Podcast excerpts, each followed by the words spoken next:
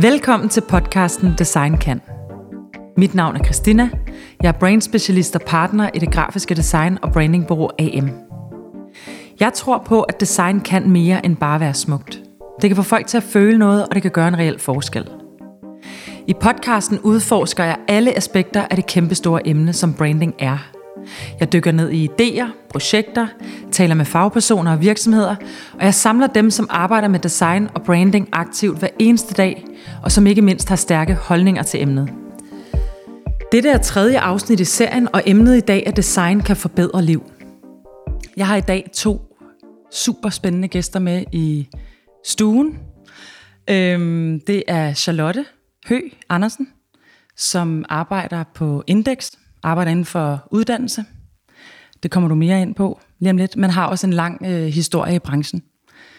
Øhm, og så er det Jens Martin Skibsted, som er stifter af Biomega-cykler, filosof, designtænker, og har for nylig solgt øh, sit, sit bureau Skibsted Ideation øh, til en større koncern. Velkommen. Tak. Tak. tak. Øhm, jeg vil egentlig, øh, vil egentlig starte med dig, Jens Martin, fordi jeg har virkelig sorteret i, øh, i, i hvad kan man sige, beskrivelser omkring dig, da jeg skulle øh, finde frem til, hvad jeg skulle, hvordan jeg skulle præsentere dig. Du har haft en meget, meget lang historie inden for design, og du har lavet rigtig mange forskellige ting igennem årene. Sidder også i en masse forskellige øh, bestyrelser, advisory boards, og også på, øh, på global plan. Kan du ikke komme med sådan en, øh, en, øh, en, en lille beskrivelse af din historie, sådan så vi i hvert fald er en lille smule med? Yep. Så jeg har øh, jo interesseret mig for design, øh, og selvfølgelig fordi jeg har haft baggrund i filosofi, så har der været sådan lidt øh, nogle gange med den vinkel ind på design. Øh, men også meget praktisk. Ikke? Jeg har jo primært haft med industriel design at gøre. Øh, men så har jeg lavet øh, noget, man ikke skal gøre, hvis det er, at man godt vil tjene en masse penge. Det er, at jeg har tænkt, om jeg har jo styr på det design noget, og så kan jeg bare sprede det hen over alt muligt. Så jeg har både lad os sige, holdt taler om design, og skrevet bøger om design, og siddet alle mulige bestyrelser i forhold til design, og startet firmaer både med design som content, og design som noget udøvende, eller design som en ingrediens. Så det har været, øh, ja, så det har været sådan, jeg plejer at sige, rejsen i design. men, men det startede i filosofi? Ja, altså det var på, da jeg studerede, ikke? Ja. Så, og så øh, var det egentlig, så, så, så det første jeg lavede, det var en cykel. Ja. Og øh, det var egentlig Mark Newson, som jeg gav opgaven på det første. Så du startede med Mark Newson? Jeg startede med Mark Newson, ja. så er man ligesom i gang. Så er man i gang, ja. Og han var ikke helt lige så, han var stor, men han var ikke helt lige så stor okay. dengang. Øh, men, men selvfølgelig var det jo lidt et leap. Øh, men altså, vil sige, det har jo generelt øh, været min attitude, de ting, jeg gør. Man kan lige så godt gøre det world class, og det der med at vinde et amtsmesterskab er efterhånden ret ligegyldigt. Ikke? Øh, så det var sådan, det, jeg har sigtet efter. Det var selvfølgelig altid, øh, ikke altid, man lige rammer. Øh. Men hvorfor cykel? Den egentlige grund var primært, at øh, jeg bare blev bidt af det. Øhm, eller jeg fik sådan en idé, jeg på en ferie sammen med en daværende kæreste, og så begyndte jeg bare at tegne cykler, og så brugte jeg resten af ferien på det. det var, og det var Super ikke sådan, fedt for hende. jeg var pænt irriteret over det der. øhm, men, og så kunne jeg bare ikke slippe på det igen. Men altså cykler, synes jeg, er, det, de er jo super vigtige i forhold til øh, vores byers fremtid, i forhold til mobilitet. Og så øh, er det også bare som objekt noget af det mest spændende, fordi det er det mest sådan effektive den mest effektive på i verden at komme fra A til B. Og det er sådan set ligegyldigt, om du er en larve, eller om du er en delfin, eller om du er en ørn, eller hvad det nu er, svale, whatever, så er det altså bare mere effektivt at komme frem på en cykel, Øh, og altså, du, altså mennesker, der du går, bruger ekstremt meget energi, også i forhold til alle de her dyr, jeg nævnt. Øhm, øh, om, øh, så man bruger væsentligt mindre energi på en cykel. Så det er simpelthen det bedste, du kan gøre for planeten. De skal til at lære alle dyrene også at cykle. Det kan være, de skal have. Vi skal lave nogle cykler til dyr, ja. Men vidste du, at det skulle være Biomega? Vidste du, at det skulle være et koncept, da du, øh, da du lavede cykel med Mark Newson? Altså, var du, var du bevidst om, at du ville prøve at ændre noget omkring uh, urban mobility, eller var det bare en cykel? Jeg, øh, det var ikke bare en cykel. Jeg vidste, at, jeg ville, øh, at det havde med byerne at gøre. Øh, og at det ville være sådan high design. Det var det, jeg kunne ligesom se, at der ikke der var ikke nogen, der lavede øh, cykler ud fra en designpræmis. Lille smule, nogle enkelte sådan lokale øh, gutter i nogle byer, der lavede det. Men der var ikke sådan et global brand, der havde øh, med øh, designede bycykler at gøre. Så det var alle sammen sådan sports... De fine cykler var ligesom sportsnørdede cykler, ikke? Øh, og i øvrigt havde de ikke sådan så meget med design at gøre på den måde, at øh, uh, sig selv, som jeg sige, den er enormt smuk, så øh, det øjeblik, du skrabede logoet af, så var der ikke nogen, der anede, hvad det var for en cykel eller fabrikat, ikke? Okay. Da du, da du startede Biomega, var du, var du da bevidst om hele det her med at, øh, at designe for at forbedre liv? Altså var du, var du, øh, tænkte du, at der var sådan en overordnet øh, tanke på det, du, du gav dig i kast med? Eller er det Både noget, der ja nej. Altså på det, ja, forstået på den måde, øh, at, øh, at jeg var jo allerede ret engageret på den måde, jeg havde været med jeg tror, der var sådan en avisartikel, hvor jeg med en eller anden fransk avis, fordi jeg havde været med i sådan en cykeldemonstration, og så var, det var jeg på en budcykel, og det kendte de ikke lige til. Øhm, så på den måde var jeg allerede sådan politisk engageret i det, kan man sige. Ikke? Men, øhm, øh, altså, men jeg ved ikke helt, hvor mange. Altså, meget af det var ekstremt intuitivt, så jeg er ikke sådan helt klar over, hvilke sådan konkrete koblinger jeg gjorde bevidst og ubevidst. Hvornår begyndte du at, øh, i forhold til sådan din, dit CV, kan man sige, hvornår begyndte du at at øh, se mere på design thinking, eller tænke større, og så begynde også at, at bevæge dig ud globalt? Og, altså, hvad, hvad, hvad har din rejse været? Altså, så amerikanere synes jo, fede ting er fede. Øh, og så, så kører det med sammen op på et ret højt niveau. Så det, der i, dag, i dag er sådan et globalt fænomen, øh, tæt, det var sådan, dengang kørte en helt anden fyr, øh, der hed Rick Werman, og som egentlig var sådan en, en lidt en rimandsklub, hvor de bare så fede ting. Øh, så Windows blev lanceret der, øh, faktisk øh, biler på, på skateboards, altså de her skateboardplatforme, der i dag er, er almindelige, blev også lanceret der. Så alle mulige ret væsentlige ting blev lanceret der, egentlig for en flok øh, sådan Bay Area øh, rigmænd. Og øhm, så fordi Wired coverede cyklen, øh, eller dækkede cyklen, lynbørge efter vi var lanceret, jeg, øhm, jeg opholdt mig derovre i Bay Area på det tidspunkt, og så, øh, øh, så fik tæt nys om det, og så var jeg jo ligesom, ligesom en den klub, og så hvis man skulle have fat i en eller anden, der lavede det her, så var der jo ligesom kun mig. Så jeg blev sat okay, ved siden af, af, af ret vilde folk, øh, som jeg på ingen måde sådan helt kunne måle mig med, men, men ligesom hvis man skulle have en i verden, der vidste noget om det, så var det ligesom mig. Øh, og det gjorde med det samme, at jeg kom op i sådan en, en anden liga der, ikke? i den sammenhæng. Okay.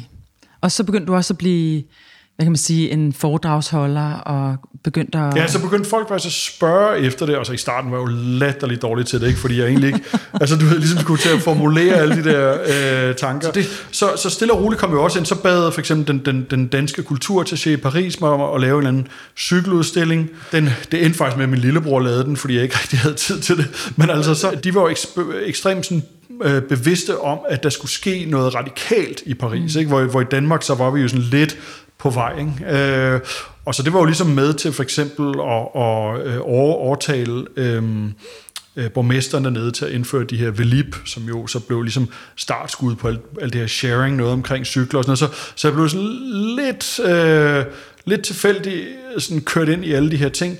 Øhm, og så kom jeg jo med i World Economic Forums tænketanke, og så har jeg jo så, så jeg vokset op mange steder. Altså jeg vokset op i, i Schweiz og Frankrig og England, og så kom jeg jo senere lidt til USA.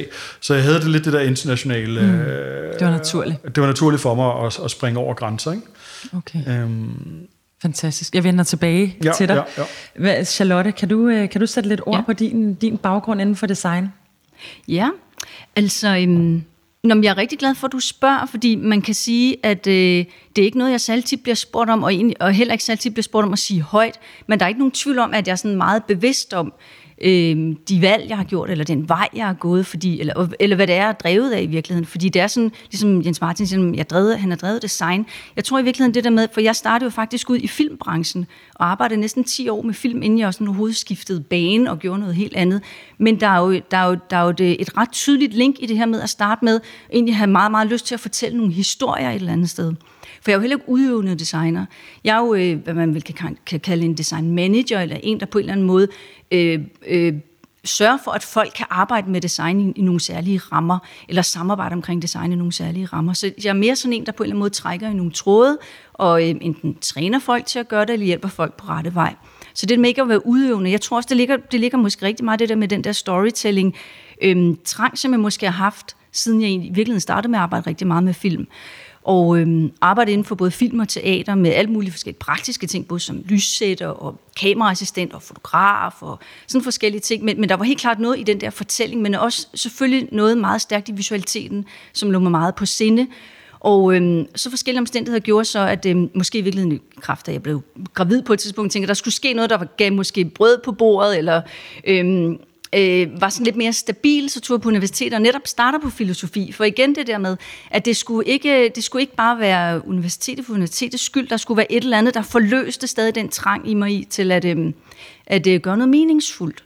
Og jeg ved ikke, hvor det der kommer fra med noget meningsfuldt, det har vi alle sammen på en eller anden plan lyst til. Men jeg kunne bare se, at det meningsfulde skulle være noget, hvor jeg på en eller anden måde får transformateret alt det omkring visualitet og storytelling, der interesserede mig, ud i noget, som måske også gør en forskel for andre mennesker. Men det gør fortællinger for eksempel også. Og for design er også rigtig meget fortællinger.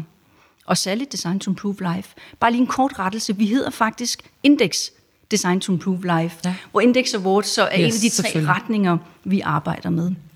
Men øhm, ja, øhm, Ja, og hvad spurgte du som? Og, øh, det var sådan, det startede. Så nu er du hos Index ja. Design to Improve Life. Ja, ja. Hvordan, øh, hvordan kom du derhen fra, fra at komme fra film til at sidde i... Ja, for så tog jeg en universitetsuddannelse i, øh, i, i visuel, øh, øh, visuel kultur faktisk, med, øh, med så filosofi, filosofi som mit tilvalg.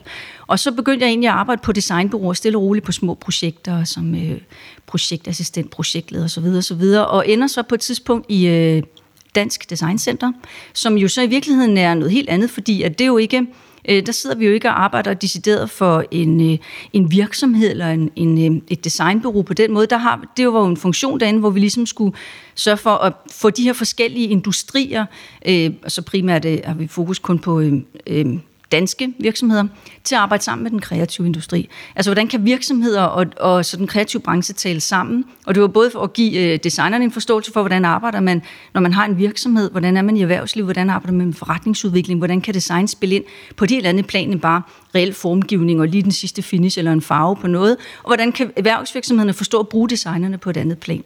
Og så bevægede det sig videre derfra, og så... Øhm, så tog jeg på et tidspunkt også en diplomuddannelse på designskolen i øh, designbaseret facilitering, og så gav, åbnede det pludselig op for muligheden for at gå ud og, og være meget mere faciliterende i forhold til at træne både virksomheder, studerende, designere i og, øhm, og facilitere en designproces frem. Og så endte jeg i, øh, i Index for en del år siden, og nu sidder jeg derinde som øh, Director of Education, som jo, øh, som jo øh, ikke er øh, udelukkende øh, kan man sige, education eller uddannelse, arbejder med, fordi alt, hvad vi laver Index, øh, ligesom sådan, øh, taber ind i hinanden.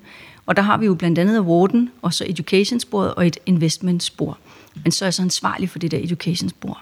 For dem, som ingenting kender til Index, ja. kan du give sådan en lille elevatortal for, hvad Index er, og hvornår det startede? Ja. Men ganske kort tilbage i 2005 er det et initiativ, der bliver sat i gang øh, øh, Erhvervsministeriet, fordi man ønsker en øh, stor dansk designpris, der skal sætte Danmark på verdenskortet. Og, øhm, og det ender så ud med, at der er nogle rigtig dygtige personer, der udvikler det her koncept omkring, det skal ikke bare være design igen, fordi designpriser var der sådan set masser af, men det skal være design, som virkelig gør en forskel. Altså, så, så den får den der titel Design to Improve Life, som er selve øh, temaet omkring vores pris. Prisen bliver så uddelt hver andet år. Der er en, i år her, 6. september, er vores næste Design Award. Og vi giver en pris inden, øh, inden for fem forskellige kategorier, som øh, næsten øh, kan man sige, øh, slet ikke har ændret sig over den lange tid, fordi det er faktisk samme kategori, vi holder fast i, og man vinder faktisk en pengepræmie også, og det er der ikke så mange priser i verden, man, hvor man gør det. Og, øhm, og det, er sådan, det er en global pris, der dækker hele det, kan man sige, det globale designlandskab i forhold til Design to Improve Life, så den er sådan rimelig, øhm, øhm, lige præcis på det plan, der har vi øh, Danmark været totalt first mover ja. inden for, for det her felt. Altså jeg kan huske, at jeg gik på designskolen, da den kom ja. øh, på, på møbel og rum. Mm. Og der kan jeg huske, at der lige pludselig begyndte at blive talsat det her med at lave noget, som gav mening. Altså ikke fordi, vi, vi følte jo alt, hvad vi lavede, gav mening på en eller anden måde. Ikke? Men, men det her med at gøre livet bedre for nogen, det var, det var overhovedet ikke et mindset, vi havde, da vi startede på, på designskolen. Der var nogle enkelte, der altid sad og lavede øh, handicaphjælpemidler. Ikke? Og det var ligesom deres genre. Men alle andre prøvede at lave øh, lækre stole, eller øh, møbler, der kunne komme ind til Fritz Hansen eller Erik Jørgensen eller en eller anden. Ikke? Så, så på den måde, så, øh, så, åbnede, øh, så åbnede landskabet så utrolig meget, da Index begyndte at have en stemme, kan jeg huske. Men Index har jo så også bevæget sig, og er nu også på uddannelse, mm. og, altså, så det har jo også været noget af en rejse, ikke? Jo, men det er klart, fordi at, at der er jo en masse afstikker lige pludselig, fordi en ting er sådan awarden, som, som man kan sige som vores øh, kerneomdrejningspunkt. Det er awarden, der ligesom holder os i live, og det er awarden, man kender os på ude i verden. Det er awarden, som øh, man også godt kan lide at være afsender på herhjemmefra. Øhm, men men der, der ligger jo rigtig mange ting øh, til grund for, at vi overhovedet kan lave den award, så lige pludselig øh, akkumulerede det en masse viden, som de folk, der var ansat i Index, jo havde, Lidt omkring, hvordan, hvad er det, der skal til for nogensinde at vinde sådan en award? Det ved Jens Martin selvfølgelig masser om, fordi han udvikler jo sådan nogle produkter allerede, men hvad er det, der skal til? Kan vi træne, kan vi skubbe mere på i forhold til at, at øh, klæde designer eller øh, øh, erhvervslivet på til at udvikle de her koncepter, services, idéer og produkter, som, som virkeligheden er et Design to Improve Life-produkt, øh, eller øh, noget, der er en nominering værdig. Og, og ud af det så vokser der jo øh, det her education-spor, for der pludselig var et behov for, kunne vi se, med hele den viden, vi havde. Vi, vi udvikler så øh, for nogle år tilbage en, øh, eller medudvikler af en, øh, en designprocesmetode, som hedder Kompasset, som blev udviklet i samarbejde med andre universiteter. Det er egentlig et Interreg-projekt, øh, som blev lavet sammen med øh, universiteter i Sverige og i i Danmark, og folkeskoler, erhvervsfolk og forskellige innovatører, der er med til at udvikle det her, den her øh, metode, vi kalder kompasset. Og det er den, vi egentlig går ud og træner i. Og det er ikke rocket science eller noget som helst. Det er jo sådan set alt muligt forskelligt plukket for både, hvad IDO har af, øh, design tools, og hvad man har alle, mange, øh, alle mulige andre steder, kan man sige. Så, men det er blevet... Øh, men, men det bliver sat i en særlig ramme, hvor man hele tiden har en bruger i midten for øje. Vi laver hele tiden noget for nogen. Og det kan du godt være, du siger, når jamen, altså, så har designerne koncentreret sig om i rigtig mange år, bare at lave en lækker stol eller en sofa eller noget. Det er der ikke noget galt i, fordi der er, jo, der er jo rigtig meget brug for, at man er en smadret dygtig formgiver. Og ved, ligesom, det er jo stadig tilpasset personer, der skal sidde i den. Det kan godt at sige, at vi har ikke brug for flere forskellige hvide tekopper eller flere forskellige stole. Vi har nok. Men der er jo stadig brug for, at det hele tiden bliver modificeret i forhold til at, at blive tilpasset en bruger. Hmm. Men der og, var noget med trenden, der ændrede sig. Altså det, hvis det man kan, kan tale om forstå, det på den ja. måde, ikke? Det blev lige pludselig, ja. og det er jo faktisk øh, det er jo meget mere øh, gældende de senere år. Ja. Det er blevet, det er blevet en trend at lave sustainable øh, designløsninger. Det er blevet smart. Det var det ikke dengang. Altså det, Også det, jeg husker det ikke som, tænker jeg, ikke? Jo, præcis. Ja. Altså jeg husker det ikke som noget, noget særligt øh, spændende, når folk kommer og siger, mm. så har jeg tænkt på, at det skal laves af genbrugelige øh, øh, hø, og som man, som man så øh, brænder på den her Nej. bla bla. Altså, hvor nu der er man sådan, wow, okay, fordi vi kan se, at der er virkelig nogle problemer, vi bliver nødt til at få dem løst, og vi har, en, øh, vi har et ansvar. Mm. Men det, det synes jeg, som jeg tænker tilbage, de, de gamle design glade dage, der, der, der var det ikke noget, der var øh, præsent i vores mm. tankegang. Men, men lige præcis, når du siger design, de, de glade gamle dage, så er det jo på grund af den meget, meget, meget stærke danske design-tradition, vi har haft, at det overhovedet kan lade sig gøre ja. at have Index Design Improve Life, fordi der, der, er jo ikke, der er jo en grund til, at det i Danmark det opstår. Det kunne ikke opstå nogen andre steder. Og det er også det, vi hele tiden hører fra judemedlemmer nu, fordi det var her, vi var klar til det. Fordi den designtradition inden for møbel- og arkitekturdesign var så stærk i forvejen. Så vi havde styr på det. Og vi står på skuldrene af det, når vi arbejder i Index. Det er jo ikke, det, det er ikke opstået nogen andre steder, for det kan det simpelthen ikke. Det er her, det kan rummes, kan man sige. Ikke? Så derfor giver det jo ekstremt god mening, at man har været så dygtig til det først. Og jeg synes jo stadig, selvom man diskuterer rigtig meget på designskolerne, skal der mere ind over, hvor de tænker meget mere business minded. Skal de tænke meget mere, øh, selvfølgelig skal de tænke i sustainability, for det er vi tvunget til, men det er stadig utrolig vigtigt, sådan som jeg ser det, at de smadrer dygtige formgiver, at de kan det, at det håndværk stadig bliver forfinet. For det er jo stadig med væk noget med også at tilpasse det til en bruger. Ja, og man kan sige hele, det, det har jeg i hvert fald mange stærke holdninger til, hele hvordan man uddanner designer længere, der er jo nogle ting, der mere og mere går tabt, kan man sige. Mm. Ikke? Så det er jo selvfølgelig, det er en helt anden snak. Øhm, Jens Martin. Måske vil jeg lige fortsætte ja, på det her, fordi ja. jeg, altså jeg kan godt se, at der har været sådan en kæmpe kulturskifte inden for design, og jeg tror ikke, den begrænser sig til det her, vi taler om, at man godt vil hjælpe stakkels mennesker, eller, eller sådan noget lignende, men, men øh, Øh, der har også været noget i forhold til den gang, hvor det var sådan super eksklusivt, ikke? så de her møbler, de var også sådan lidt eksklusive, det var blev de til, ikke? Øh, hvor, hvor i dag har man jo sådan en inklusiv kultur, ikke? Det, er jo, det er jo på mode at sige, at man co-creator. Ikke? Altså, den gang, jeg ligesom kom ind øh, i, for 20 år siden, altså hvis du co-creator noget, så er du fucking taber. Ikke? Du brugte bare de bedste, og det var det. Altså, øh, og, og, og det, i starten så meget det designproces, så var altså noget forbeholden, ikke? fordi jeg, jeg vidste jo også, de folk, der rendte rundt og prædikede det, jeg var gode venner med for eksempel ham, der design lead øh, i IDEO, som var dem, der virkelig rendte rundt og, øh, og prædikede det her i starten, ikke? selvom de havde tankegåset herhjemmefra. Så, øh, så vidste jeg jo, at når det så endelig kom, at skulle lave noget så sked han jo på alt det der. Så lavede han bare noget, der var fedt. Så, så jeg var sådan lidt øh, forbeholden over for det der. Men, men, øh, men anyway, så, så der har været et gigantisk kulturskift. Ikke? I dag er det jo reelt, at man render rundt og co-creator og, øh, og, og vil hjælpe nogle stakkels mennesker osv. Men jeg vil sige, det, det, den præmis køber men jeg køber ikke den præmis, der hedder, at nu er design begyndt at blive normativ det har, noget, det har virkelig været en del af design, så langt jeg har viden tilbage. Øh, altså hvis man skal se på det sådan lidt øh, sådan hardcore, så har design jo egentlig opstået, i hvert fald industriel design er opstået i den sammenhæng, er egentlig også øh, en del af grafikken, men anyway, til en mindre grad, har, har man været øh, kapitalens lakaj. Ikke? Man skulle lave øh, noget, der solgte flere produkter. Øh, og det er jo også ideen med Biomega. Den er jo ikke særlig... Øh, øh, altså, den, øh, den er ikke inklusiv på den måde. Ikke? Det var nogle eksklusive produkter, som skulle gøre, at man kunne konkurrere med bilerne ved at lave noget, der var federe end din BMW. Øh, der accepterede man kapitalismens præmisser. Øh,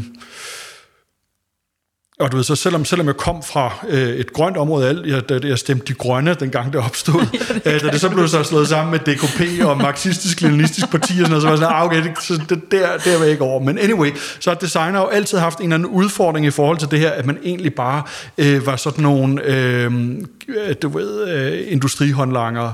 Øh, og så har man altid søgt et eller andet, en, en, en noget mening, som du kalder det, eller raison d'être. Øh, og det har jo så været alle mulige forskellige ting. Ikke? Der har jo blandt andet været herhjemme meget i forhold til at demokratisere og simplificere og gøre det nærværende for folk. Øh, men, men, men der har egentlig, der har altid været sådan, i hvert fald i dansk design, men egentlig også germansk design, sådan en normativ tradition. Øh, hvis du ser på, på latinsk design, måske lidt mindre. Ikke? Så, så deres øh, designmuseum i Paris vil øh, hedder Museet for Dekorativ Kunst. Altså, enhver dansk designer ville jo blive pisse sur, hvis du sagde, at han, hun havde lavet noget dekorativt. Ikke? Og sådan, ah, okay, jeg har også lavet noget lidt andet. Øhm, så, så, så, så det mener der har været der, og der var også nogle gange, hvor det var sådan slået helt fejl. Ikke? Jeg kan huske, da vi var nede øh, med, med Designrådet, og så interviewede vi chef, øh, kurator på øh, Nøjes Museum, som nok, selvom øh, øh MoMA er meget mere øh, kendt, så det er nok for, for sådan øh, kulturhistorisk væsentligt vigtigere museum, måske verdens vigtigste designmuseum i forhold til deres samling. Og, øh, og hun så fortalte om, at, at, at dengang havde man i, i, i 30'ernes Tyskland, ville man godt via design lave et bedre samfund. Og så sagde hun sådan lidt øh, nøgternt, det lykkedes så ikke. Og det var så, at sige, det der lille i parentes, det lykkedes så ikke, det var så hele nazismen, man havde der, ikke? som var jo fuldstændig gennemdesignet. Ikke? Ja. Øhm, så så, det, så, så det, det har jo også sine slagsider. Men, men anyway, det var bare en kommentar på det her, at øh, øh, altså, du good elementet har altid været der, men det, det har ligesom bare fået en anden karakter, og at sige, der er nogle andre problemer, man skal løse. For eksempel den her i forhold til klima. Ja det er jo klart vores generations største udfordring. Ikke? Vi står ikke, vi føler ikke, at russerne smider en atombombe, men vi føler, at øh, amerikanerne øh, af en eller anden mystisk grund, også kineserne, øh, de kommer til at svine hele vores planet til, sådan så at øh, vi dør i tørke. Mm. Ja, så der er kommet, der er kommet, en, øh, der er kommet en fare, som er større, end man har set den før. Altså, og det, det gør, at folk også ser øh, et behov for at vende Altså... Jamen nogle gange, så er der, hver, hver generation nærmest, vil der opstå et, en eller anden form for fare, som er så øh, alvorlig, at hvis du ikke løser den, så er det jo ret ligegyldigt, at du samtidig kurerer, øh, eller du får kureret malaria, og øh, færre har diabetes. Og alt, vi har jo masser af udfordringer. De skal selvfølgelig alle sammen løses, men der er bare nogen, hvis du ikke løser det, så er resten ligegyldigt. Ikke? Og det var, kan man sige, atombomben jo også. Ikke? Hvis du, vi kunne smadre jorden 100 gange, ikke? hvis vi havde gjort det, så var der ikke nogen, der ville tale om polyper. Eller sådan. Øh, øh, så, så, øh, og der, og der, der står er man jo derhenne ved global opvarmning, at, at, at faren er så alt øh, overhængende, at, øh, at man simpelthen bare må, må træde i karakter. Mm. Så designerne kan jo så godt... Øh, fejlfortolke lidt, opgaven lidt, fordi man stadig har det der med lækkerhed. Ikke? Altså man, man synes jo stadigvæk, at ting skal være lækre, øh, og noget, der er lækkert at lave, det er for eksempel noget med solpaneler. Ikke? Øh, og det ved jeg fra Kigge Hvid, øh, som jo øh, stiftede blandt andet, øh, var medstifter af Index, øh, og altså, du ved, hun, det er der altså ikke mere brug for. Ikke? Det kan godt være, at der er brug for flere måder at implementere, øh, og bedre implementering, og, og mere implementering af solpaneler, men der er ikke brug for endnu en lampe, du kan øh, bruge med en solpanel. Ikke? Nej, det gør ikke livet meget bedre. Nej, altså det, det er løst. Ikke? Og så der, der kan man sige, der, der er designerne trods alt ikke endnu så impliceret i det hele, at de rent faktisk har den grundlæggende viden, der gør, at de rent faktisk kan løfte ud. Og så kan man sige, øh, også ud af de her problemer, jeg har nævnt. Ikke? Og, så, og så, så er der jo også det, at det, siden det er så altomfattende, så kan du faktisk ikke gå i gang med at løse det hele. Ikke? Du skal jo ligesom mm. fokusere på, på en problematik, ikke? så den jeg jo specifikt har problem, fokuseret på øh, med Biomega, har jo været det her omkring urban mobilitet. Ikke? Altså det er jo der, hvor der er mest mobilitet, og det er jo noget af det, der forurener rigtig meget, og det er noget, man kan gå ind og forsøge at løse. Men jeg kan ikke både løse, lad os sige, et, øh, hvad der sker i byggebranchen, og hvad der sker mm. for landbrugssektoren. Eller det, det er urealistisk, ikke? Så man bliver nødt til at få, finde de her nedslagspunkter, mener jeg, som designer, hvor man kan få tilpas dybde og tilpas øh, hvad hedder det, påvirkning til, at det rent faktisk nytter. Så dit fokus er mobilitet, også i kvæg den nye bil. Kan du prøve at forklare lidt om, øh, om ja, det koncept? Vi har, så, vi, ja. vi har så tegnet, det var et lidt vanvittigt projekt, for det lige pludselig så, øh, altså Biomega øh, er jo i dag, øh, majoriteten er ejet af nogle, af nogle kinesiske partnere, jeg har, og så sagde de, øh, de ville godt have, øh, de ville godt designe en bil, eller lave en bil, og så tænkte jeg, det, det lyder sgu lidt tosset. Naturligt, naturligt næste skridt. så jeg synes, jeg synes, det var lidt tosset, så jeg sagde ikke rigtig noget til det, så jeg, det lyder da så fint nok, og så øh, en, en måned efter, så sagde jeg, nu skal de bruge den øh, designet om en måned. Jeg var okay, men en måned, altså, du ved. Øh, men altså, der er jo alligevel så iværksætteragtigt. Øh, jeg sagde, okay, den, øh, det får vi klaret, men vi skal nok ikke regne med det helt færdigt. Og så lykkedes det rent faktisk at komme op med eller sit groft koncept i løbet af en måned. Og det var godt nok til, at de ville vise det til, til et stort øh, kinesisk automobil, øh, eller øh, hvad hedder sådan noget, bilfabrikant øh, Cherry, øh, fordi de ville heller ikke ville vise dem for meget, fordi så er de bange for, at de løber med ideen. Og så øh, kom de så tilbage og sagde, at det havde de synes var super fedt, så vi skulle egentlig bare fortsætte med det der, om jeg lige kunne designe den bil. Og så researchede selvfølgelig lidt. Jeg havde selvfølgelig mine bange anelser, og jeg fandt ud af, at i snit så tager det mellem 48 til 100 mandeår at designe en bil. Så sagde, det kan jeg så ikke lige lave i min, øh, min fritid, det der. Og så, øh, så gik de så med til, at vi byggede et team. Og så byggede vi et team, og det var jo også en kæmpe udfordring, fordi der er ikke så mange i Danmark, der ved noget om det. Var det igennem Skibsted Ideation, dit, ja, det var Skibsted dit designbureau? Ja, ja. ja. Og det er så dem, der er købt nu af ja. her Strategic Design Group. Ja, det vil jeg Også. rigtig gerne høre mere om på okay, okay, okay. Men, øh, men de, øh, der øh, skulle vi så finde designer lidt i hele verden, ikke? Og der, øh, altså det, det, der blev vi simpelthen nødt til at bruge lidt piratmetoder, fordi der er øh, du ved, sådan nogen som Inger Støjberg og, og Dansk øh, Folkeparti og sådan noget, de har jo virkelig ødelagt det for os. Ikke? Så, så det er, vi kan jo ikke få, få ordentlige folk til landet. Så, så vi blev simpelthen nødt til bare at skide på lidt af regler, og så det gjorde vi selvfølgelig kun, hvis vi vidste, at vi kunne indhente mm. det, at det kunne blive lovligt. Øh, og det er så lovligt i dag, ikke? men det var der altså ikke en periode, for ellers havde jeg ikke kunne lave det. Øhm, og så fik Hvad vi så, det, der ikke var lovligt? Det var ikke lovligt at hente de her øh, udenlandske designer til Danmark. Det var det ikke? Ja, så skal du give dem et eller andet fuldstændig vanvittigt, og du skal bruge tre måneder på... Altså, vi skulle lave en bil på et halvt år. Hvis du venter tre måneder øh, på måske at få nogle folk godkendt, man så, så, er du, så kan du altså ikke på tre måneder lave en bil. Du kan i princippet heller ikke gøre det på et halvt år. Det lykkes af en anden mirakuløs grund. Men øhm, anyway, den, den er jo så lavet til, øhm, til at konkurrere med mindre biler i byer. Eller store cykler kunne det også være, men store cykler, som så skal have en længere rækkevidde. Øhm, så jeg ved ikke helt, øh, hvor meget vi skal gå ind i det her, men jeg mener lige, i byerne nu er der to store øh, slåskampe, som politikerne egentlig ikke rigtig er bevidste omkring. Øh, den ene, det er biler mod busser, eller biler mod øh, mass transit, offentlige større offentlige transportmidler, øh, og biler mod øh, cykler, cargocykler, mindre privat mobilitet. Det er de to store kampe, der sker nu. Så, så, så lad os sige, bilerne har så massiv øh, øh, marketingsmuskel, at de formår at sætte en dagsorden, som handler om elbiler, som handler om øh, førerløse biler, men de ting er sådan lidt irrelevante i sig selv. I hvert fald hvis elbilerne bare ligner biler i dag, eller førerløse biler ligner biler i dag. Øhm, så, så, så det er ligesom det, som alle render rundt og taler om, fordi deres marketingmuskel er så stor. For eksempel, altså bare deres marketingsafdelinger er større end hele cykelindustrien til sammen. Øhm, men, men det afspejler bare ikke realiteten. Realiteterne er, at de er presset på to fronter på, på, på den her public ting. Det er førerløse, der er presset derop, fordi i bund og grund er problemet i byerne ikke bare, at man smider CO2 op i luften, øh, eller forurener folk med partikler, men øh, ja, og dræber folk i trafikken, men det er også, øh, eller primært, at der ikke er plads til dem. Så selv hvis du gør bilerne elektriske og førerløse, så kan de bare ikke være der.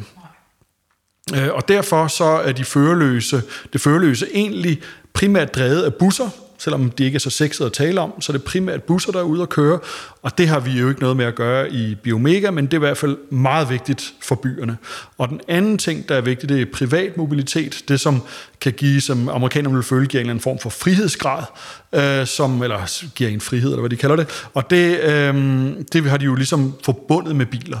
Og det kan, det kan du ikke længere tillægge biler, fordi du er altså ikke særlig fri, når du bare sidder fast i en, øh, fast i en trafikprop. Ikke? Så cykler er i dag øh, en cirka 40% hurtigere end biler i byerne. Ikke? Så, øh, så, og, og de kan jo ikke køre hen, hvor de vil. Øh, de har nogle andre udfordringer. Men, men det vil sige, bilerne samtidig med, at de ligesom skal blive større for at konkurrere mod, mod busserne, skal de også blive mindre for at konkurrere mod cyklerne. Og, og, og så, så det vil sige, at de går ligesom stille og roligt ind på cyklernes ene mærker. Så det her det er egentlig et forsøg på stille og roligt at, øh, at tage så langt ned de kan gå. Så hvor mange kan der sidde i jeres bil? Jamen lige nu er den, øh, altså konceptbilen, som er lavet, og, og en konceptbil er jo ikke en færdig bil. Øh, det er sådan noget, man viser på de her øh, Men den er bygget? Den er bygget, den er bygget af de samme folk, der har bygget den BMW i3 nede i München. Altså nogle topfolk, det er ret sjovt at komme ind, fordi det hele er jo sådan noget tophemmeligt, og der kommer ind i sådan nogle giga værksteder. Altså værksteder, der er altså du ved, øh, altså større end håndboldhal, ikke? Og det er altså det, kun en af de her mange rum, hvor alle de her bilfabrikanter laver deres bil, ikke? Øh, hvor der er så tonede ruder, du kan ikke kigge ind, og security og sådan noget. Anyway, der er der så, der er så bygget en. Den, den, øhm, og den er sådan en lille smule skør, fordi at du skal lave dem lidt skøre, ellers så gider de ikke se dem på de her shows. Hvis du bare laver en produktionsbil, synes de, det er kedeligt. Uh, øh, hvis du laver for vild en bil, så siger de, det er urealistisk. Så du skal ramme sådan en form for mystisk genrekonvention omkring en øh, konceptbil. Så den, øh, den er lavet, og den kan der sidde fire i. Der kan sidde fire i den? Ja, men, men den er sådan ligesom, lad os sige, den, det der er specielt ved den, altså der er mange ting, der er specielt ved den, men en af de ting, der er specielt ved den, det er, at du egentlig sidder skulder til skulder. Så den er ret smal øh, som lad os sige en Fiat 500 var i gamle dage, eller en Mini Morris i gamle dage.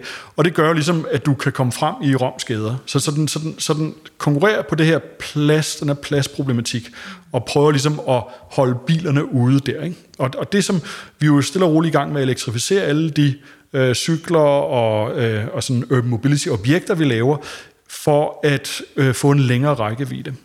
Så, så vil sige, en, en cykel, når du er over 10 km, så falder folk fra. Så er der kun de der die-hard spandex-typer, der, der, der, der, som altså overhaler en. som, som cykler, alle normale gider ikke længere. Ikke? Altså, ah. Og de, de fleste dropper selvfølgelig fra før 10 km. Og, og sige, med en elcykel kan du måske komme ud på 20 km. Øhm, men i, i Danmark er 20 km nok, ikke? så rammer du øh, bagsvær, farum og holde og whatever.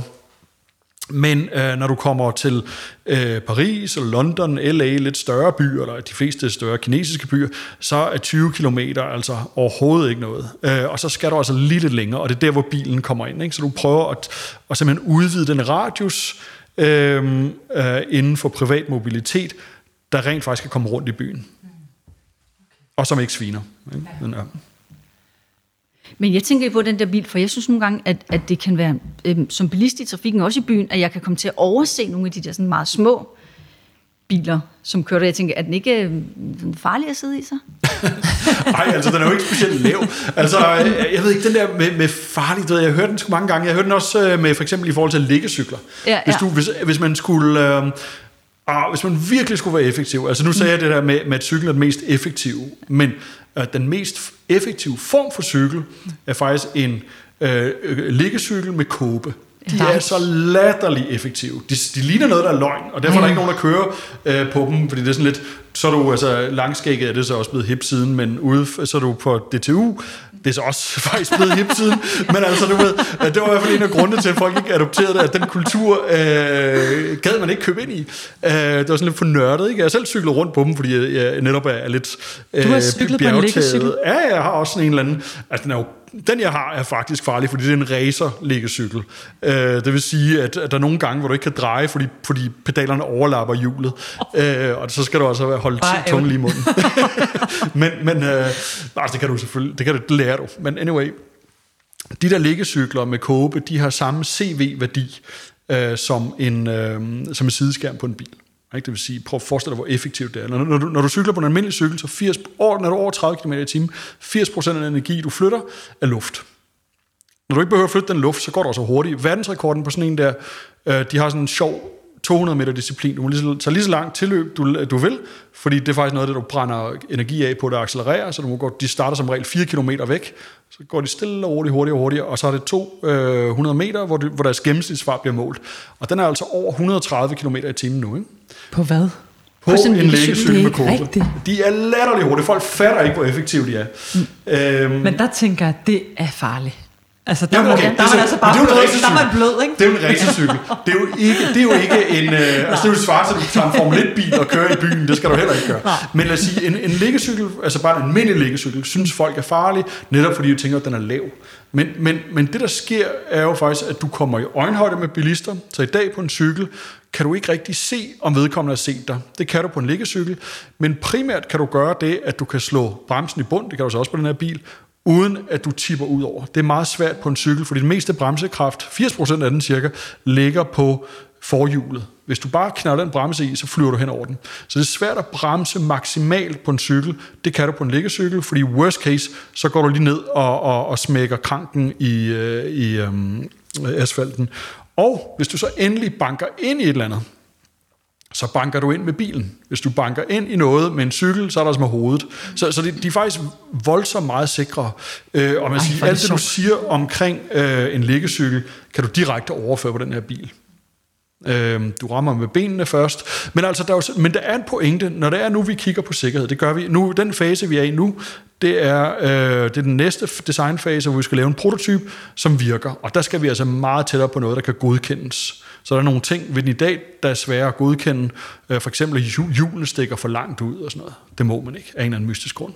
Men... Øhm, øh, Uh, anyway, nå ja, så, uh, så der, der skal vi så til at øh, implementere alle mulige ting, og der taler man, hvilke nogle attributter er vigtige for os.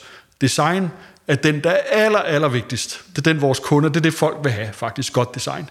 Øh, nu er på, vi taler om design. Men, øh, men, øh, og så er der noget omkring... Og godt design, det er den, det er den visuelle fremtoning ja, for, af bilen. For bilfolk ja, er det helt old school. Yes. De kalder det design for styling pisseirriterende. Okay.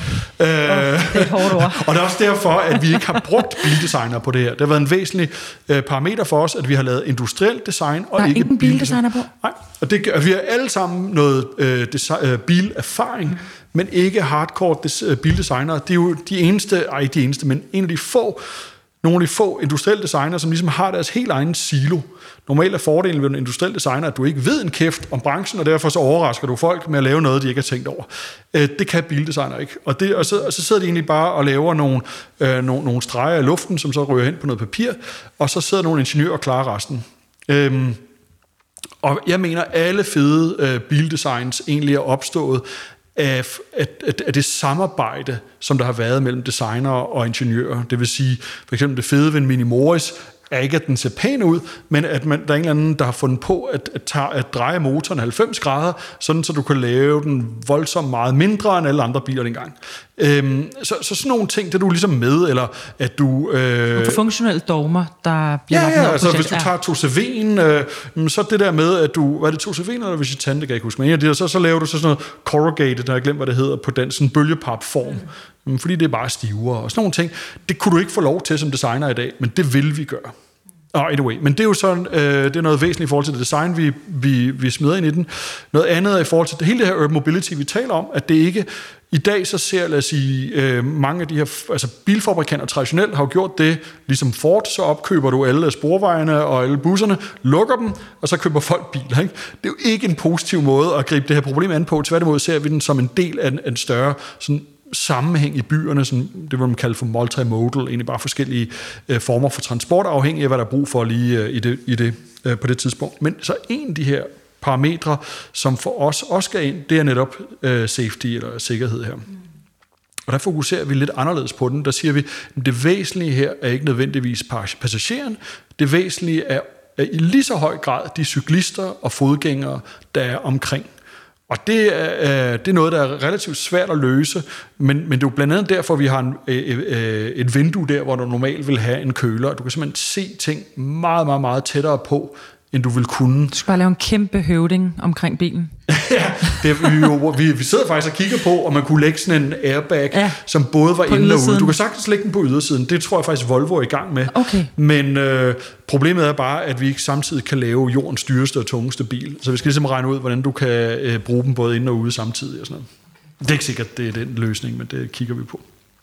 Og Høvding er jo tidligere Index Award winner. Ja, det jeg. Lang tid før de faktisk er blev så populære som nu, hvor man ser dem på alle. Vi promoverer Og dem også faktisk også i. Biomega. Ja. Ja. vi sælger dem i Det er butikken. jo og et promoverer dem. fantastisk projekt. Jeg kan Ja. huske, jeg var en af de meget tidlige, der begyndte at køre med høvding. Og jeg, jeg mødte øh, simpelthen øh, grundlatter, når jeg mødte folk på min vej. Ikke? Altså sådan, hvad fanden er det? Og ja. hvordan ved du, den virker? Og mm. hvad, hvad vil du, hvis du så står der med den der rumhjelm på? Hvordan, altså, det bliver det pinligt? Eller du ved, der var sådan en masse, der var så mange øh, følelser imod det der, ikke? Ja. Hvilket jo er fantastisk også, at det er jo noget helt andet nu, ikke? Jo. Man ser dem jo alle vejen. Ja. Det, er virkelig, det er virkelig lykkedes. Ja, det er super fedt. Ja. Og hvor du faktisk er fashion designer, altså der Ja. kan man sige, hvordan, hvordan design Ja, det er så rigtigt, har, har øh, i virkeligheden gjort den så sindssygt brugervenlig, at man har lyst til at tage den på. Og så har den så alle de der øh, side effects, at den hjælper, hvis du styrer på din cykel. Jeg har stadig lyst til at teste den. Altså, ja. Ja. jeg kan stadig, når jeg tager den på, nogle gange tænke, Nå, men kender Det er en, dyrt at teste. der Godt at prøve har, at få den en, der er faldet på sådan en der, ja, øh, hvor han så, det ærede ham lidt, fordi han faldt ikke rigtig hårdt, så han havde nok ikke haft brug for den, men, men i hvert fald slog den helt fint ud. Nå. Mm. Øh, så, men så skal du købe en ny, ikke? Ja. så vidt jeg ved. ja men det skal man. Ja, det, ja. det, det, er nemlig det. Jeg kunne godt tænke mig, at jeg kunne teste den, jeg har, for Ja. at vide, at den trigger. Ja. Hvor at der, der skal en ny patron i, hvis, øh, hvis den først har været udløst. Ikke? Ja. Men, men det problem tror folk ikke, der er på en almindelig hjem. Men faktisk, hvis du banker ned i, øh, i gulvet med en almindelig hjem, så skal du også skifte. Så Så den skiftes. Ja. Ja. ja, så er der blevet et blødt punkt. Eller? Ja. ja. Nu kan, man- kan man meget tydeligt høre, at øh, Jens Martin ved rigtig meget om urban mobility og hele Ja. det her, øh, hvad kan man sige, mm. det at forbedre livet via, øh, via at tænke mm. nye tanker omkring det. Har du et fokus? Altså er der et eller andet, nu ved jeg godt, du sidder med uddannelse mm. øh, til daglig, og det må jo være inden for alle områder. Ja. Men er der et eller andet, der er sådan er særligt tæt på dig i forhold til, til, til at, Nej, at altså man må bedre? sige, jeg, jeg synes faktisk, at, øh, at det, øh, det svinger meget, men det, det er jo også, fordi vi hele tiden indhenter ny viden. Altså Index er også ekstremt afhængig af hele tiden at opdatere os selv på, hvad foregår der derude, hvad er de kommende trends, hvad er det, man ser, og vi taler med utroligt mange mennesker. Nu i den position, jeg har derinde, er jeg jo så heldig, at jeg kan rejse rigtig meget rundt i verden og lave de her forskellige education-programmer. Og der taler vi med folk, så når vi er i Afrika, er det klart, så har man meget, meget fokus på, på en, en særlig form for udfordringer, som jo selvfølgelig går rigtig meget på noget med klima, men også stadig på noget med fattigdom stor øh, børnedødelighed, øh, alle mulige ulykker, der sker i forhold til børnefødsler osv. osv. Noget, som er sådan på en eller anden måde konkret, men stadig ekstremt komplekst at løse, men det kan virke konkret i vores verden, vi tænker, det, kan, det burde man da kunne løse, men det er bare ikke lige så nemt i den location. Og så tager man til Sydamerika, så er der nogle andre udfordringer, der viser sig, hvor, hvor man øh, er meget sårbar på, hvad det er for nogle forskellige øh, fødevarer, man producerer Tænk hvis der bliver lukket ned for det. Øh, hvad har vi så at spille på? Altså, hvad, hvad er det så, vi kan spille, øh, sælge her fra landet? Ikke? Hvordan overlever vores økonomi, hvis der bliver lukket ned for, for en bestemt ting, eller indtægtskilde? Ikke? Og øh, i Kina er det noget andet. Men der, der, hvor jeg ser, som jeg synes, fordi der, hvor jeg synes, at det her education-program, som vi udvikler, har sin berettigelse, er, at en af de meget store udfordringer, som vi også fandt ud af, da vi lavede, vi lavede sådan en meget stor øh, field research for nogle år siden i Index, er, at øh, alle mennesker her i verden har bare ikke lige adgang til viden. Og, øh, og det afskærer jo allerede meget, meget tidligt nogle mennesker for at være med til det her med at få lavet løsninger, eller få spottet de udfordringer, der i virkeligheden er. Fordi selvfølgelig så kan man også sige, at der bliver jo lavet rigtig mange, det er jo også det igen, at vi skal ikke lave flere lamper, hvide tekopper, øh, øh, designer sofa. Det ved jeg ikke, det skal vi måske stadig, for der er også, der er også noget af det, fordi lækkerheden er også stadig utrolig vigtig, den detalje, der er også noget økonomi, der bliver holdt i gang. Men hvad er det for nogle udfordringer, vi får spottet, som vi rent faktisk laver løsninger til? For det ligger jo også i den metode, som vi har i vores education-program, at man i virkeligheden kan gå ud og lave et ordentligt stykke researcharbejde, før man kaster sig over noget. Hvorfor skal vi lave en løsning til det her? Hvorfor, hvorfor, hvorfor? Hvorfor er det vigtigt? Hvad er det for et impact, som vi gerne vil opnå med det?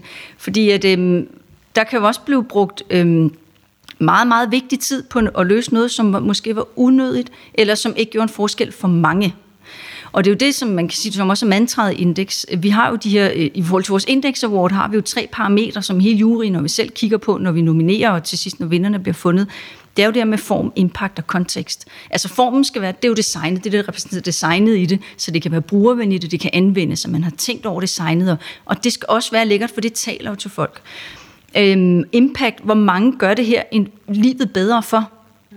Og så kontekst, hvor bliver det brugt, hvor giver det mening, at det bliver brugt. For vi ser masser af løsninger, masser af, af, af produkter, øh, der bliver nomineret, hvor man ikke har tænkt på kontekst. Og så fejler det jo. Så kan det jo være nok så lækkert, og man kan måske i ideen have tænkt, det redder livet for rigtig mange, men det kan ikke bruges i den her kontekst, for der er ikke tænkt ordentligt ind på den udfordring, de egentlig har i lige præcis den del af verden, hvor det er lavet til. Så det ser vi rigtig mange eksempler på, at den er fejlet. Det er derfor, det er så vigtigt at have de her tre øh, retninger hele tiden, eller de her tre øh, parametre, vi arbejder med, som form, impact og kontekst, når man laver løsningerne. Så man kan sige, at det, der ligger mig på sinde, måske i virkeligheden, er at gå ud og finde de rigtige øh, udfordringer, vi laver løsninger til. Mm. Og, det er, og, så, og så er det jo alle ting over en kamp, kan man sige. Ikke? Men det er måske mere sådan lidt mere overordnet i forhold til, hvad det er, der, øhm, der driver mig i, i, i mit virke. Jeg synes, det er sjovt, fordi øh, der har, nu, når, når man har været i branchen i mange år, begynder man også at se nogle ting, som da det kom frem, var det ekstremt øh, innovativt, og det har ændret hele vores verden og vores øh, måde at kommunikere på. Her tænker jeg blandt andet på smartphones. Da det begyndte at komme frem, og, øh, og øh, man kunne få alt samlet i den her skærm, og alt blev meget mere simpelt, og alle tools lige ved hånden osv. Hvis man går ind og ser på, øh, på hvad der er nomineret hos Index øh, Awards nu, jeg ved ikke, om det er, det er nomineret nu, men det ligger i hvert fald inde på jeres side, så er det jo en, øh, en ny telefon, som ikke kan noget som helst. Altså det er telefonen, der kun Nå, den kan... er lightphone? Eller? Ja. Nej, ja, den er også meget fed. Den kan kun ringe, og så kan den øh, måske afspille noget musik. Den vil gerne have os tilbage til at få nogle relationer mellem mennesker, og ikke at være på vores skærm hele tiden, og være meget mere til stede. Men det her med, at et design ændrer os så markant, ændrer vores, hele vores væremåde så markant, at vi på et tidspunkt bliver nødt til at lave design imod vores eget super gode design. Altså jeg synes, det er sjovt at se de der de der cykluser, der ligesom, øh, der ligesom kører det samme med biler, ikke? Altså, nu, nu skal vi løse det. Altså, vi, det var vi skide gode til.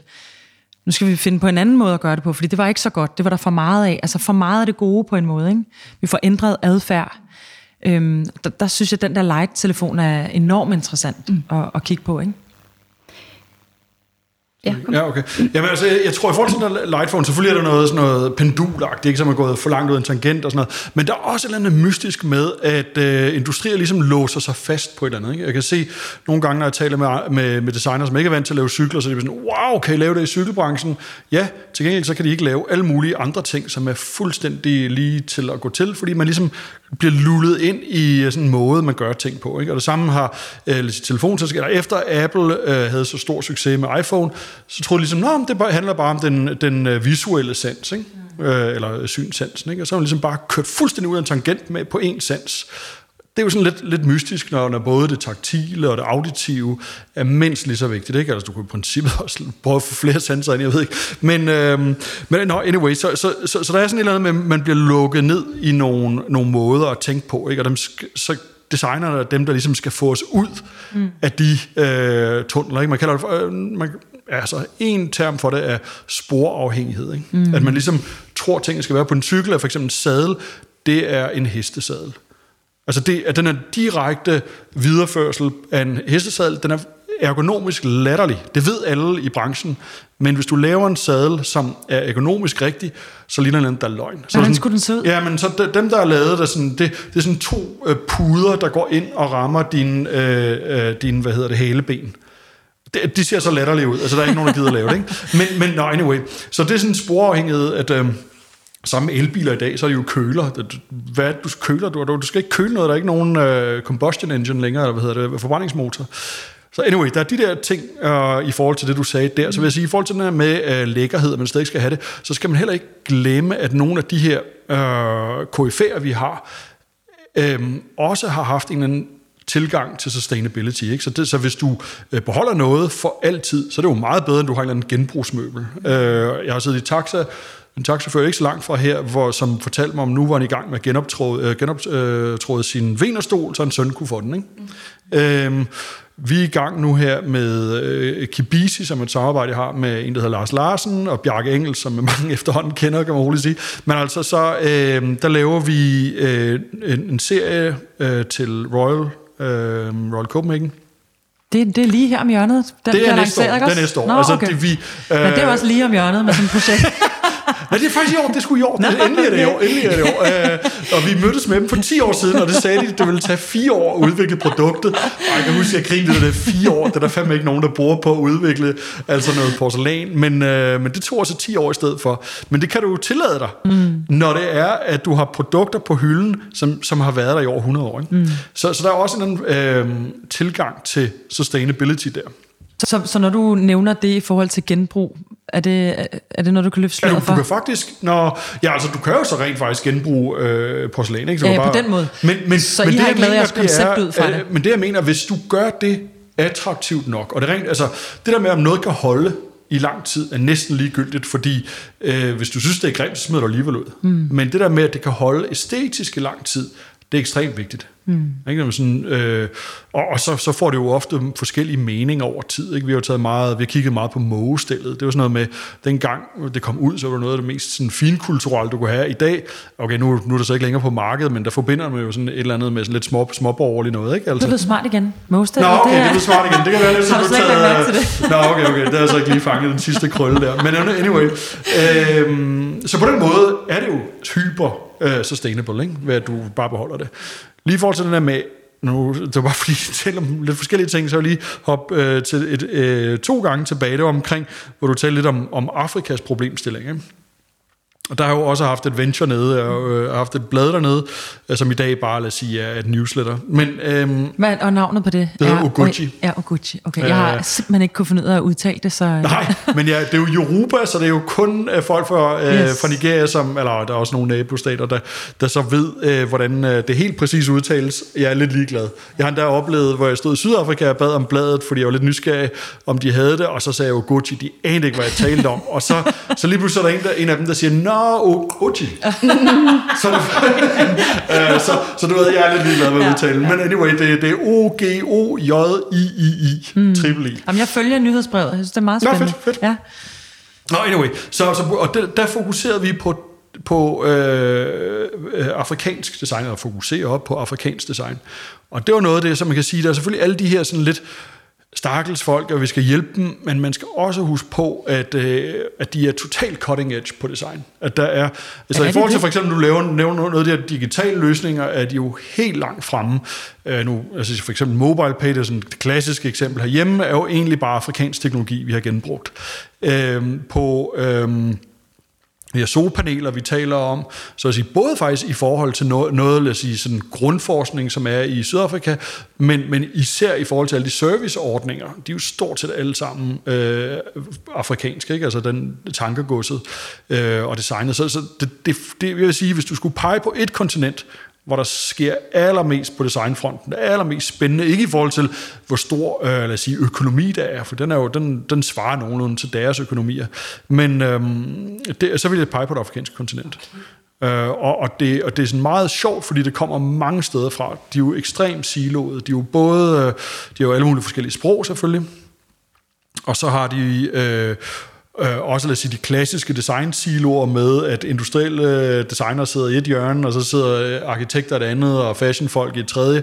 Øh, og så, øh, og der er jo mange lande, der er 54 lande, og så, øh, så er der også noget, en ekstra mystisk dimension, det er, at akademikere er for fine til pra- øh, praktikere. Ikke? Og man kan sige, lige på design, så holder den overhovedet ikke, fordi det er jo egentlig praktikerne, der er ude og gør det hele, og så kan akademikerne prøve at se, om de kan følge med. Ikke? Så, så der, der er selvfølgelig nogle, nogle udfordringer, men det er også de udfordringer, der gør, at du ikke ser, hvor stort det er dernede. Fordi ligesom, så alt sammen, ikke alt sammen, men næsten alt sammen er sådan below the radar. Fashion er ikke. Fashion er efterhånden gigastort.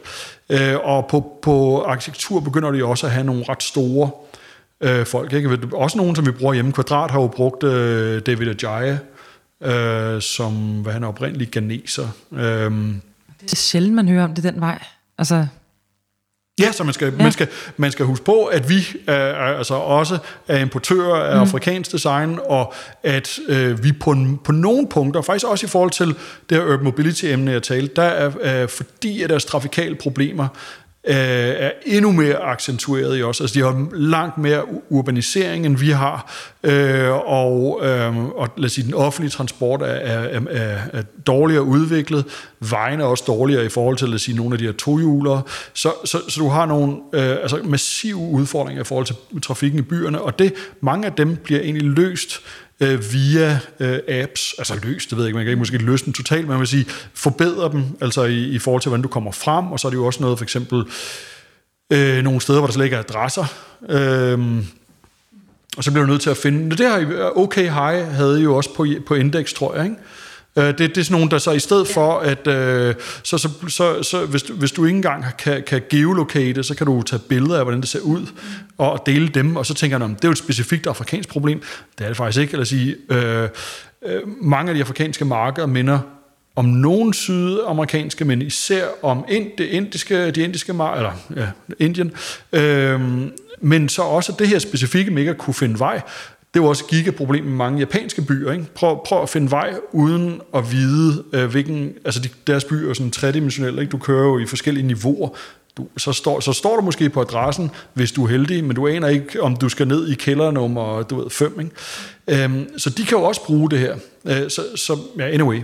Så, øh, så fordi de har nogle, nogle problemstillinger, og fordi at de problemstillinger efterhånden bliver mere og mere øh, universelle, Altså, de, de bliver de samme globalt, øh, fordi, lad os sige, alle dem, vi opfattede som fattige før i tiden, efterhånden er ved at bevæge sig op og være midtmarked. Så, øh, så ja, anyway, det, det er jo, hvad hedder det, watch the gap, eller hvad de siger, mind the gap. I forhold til det her med, at der er, øh, der er nogle øh, problemer lige nu, som er så markant større end nogle andre, er det noget, I prøver at pushe ud til, til designer? Altså er det noget, sætter I... Jeg er faktisk ikke helt bevidst om, om I sætter decideret, øh, hvad kan man sige, krav på en opgave, eller siger, øh, vi skal løse plastik i verdenshavene, eller vi skal kigge på, på CO2-udledning, øh, eller et eller andet. Altså har I et eller andet, hvor I siger, at det er det her, vi skal have fokus på, fordi det er det her, der, der, der er en øh, brændende platform? Altså man kan sige, i, øh, i indeks, altså nej, altså øh, jo, altså det vi gør er jo at have et særligt fokus på, hvad det er for nogle trends, og hvad det er for nogle store udfordringer, vi kan se, mm. som er i verden nu. Og det gør vi ved at værksætte forskellige... Øh, vi laver en masse dataindsamling, vi sætter folk til at lave øh, øh, undersøgelser øh, øh, i forhold til, hvad er det, der rører sig, hvad er det, der bekymrer folk, og hvad er det for nogle øh, udfordringer, man sådan helt faktuelt kan gå ud og måle på, som er de største. Og så forholder vi os selvfølgelig også til de her FN-verdens, de 17 verdensmål. Øh, ikke, de, de er ikke særligt styrende for os, vi synes sådan set, der ligger udfordringer, der på en eller anden måde er over dem, også vil strække sig længere til det. Altså det er jo ikke, fordi vi kun skal løse øh, de her verdensmål, og det så løser så hele verden perfekt, det er den jo ikke, for der er jo bare noget andet, der er opstået i kølvandet på det. Så derfor har vi øh, måske fokus på noget, der er lidt højere op i helikopteren end bare verdensmål, men de er dog alligevel en eller anden form for, kan man sige, øhm, retningsviser for, hvad det er for nogle udfordringer, man sådan, i hvert fald politisk har besluttet sig for, at man vil gå efter og prøve at løse øh, inden for de næste år. Så øh, nej, altså man kan sige, så vi, vi gør måske mere noget, at vi prøver at øh, inspirere og øhm, engage, som vi siger, altså øhm, branchen eller folk eller virksomheder i det hele taget til ligesom sådan at og øhm, øh, tænke over nogle særlige problemstillinger.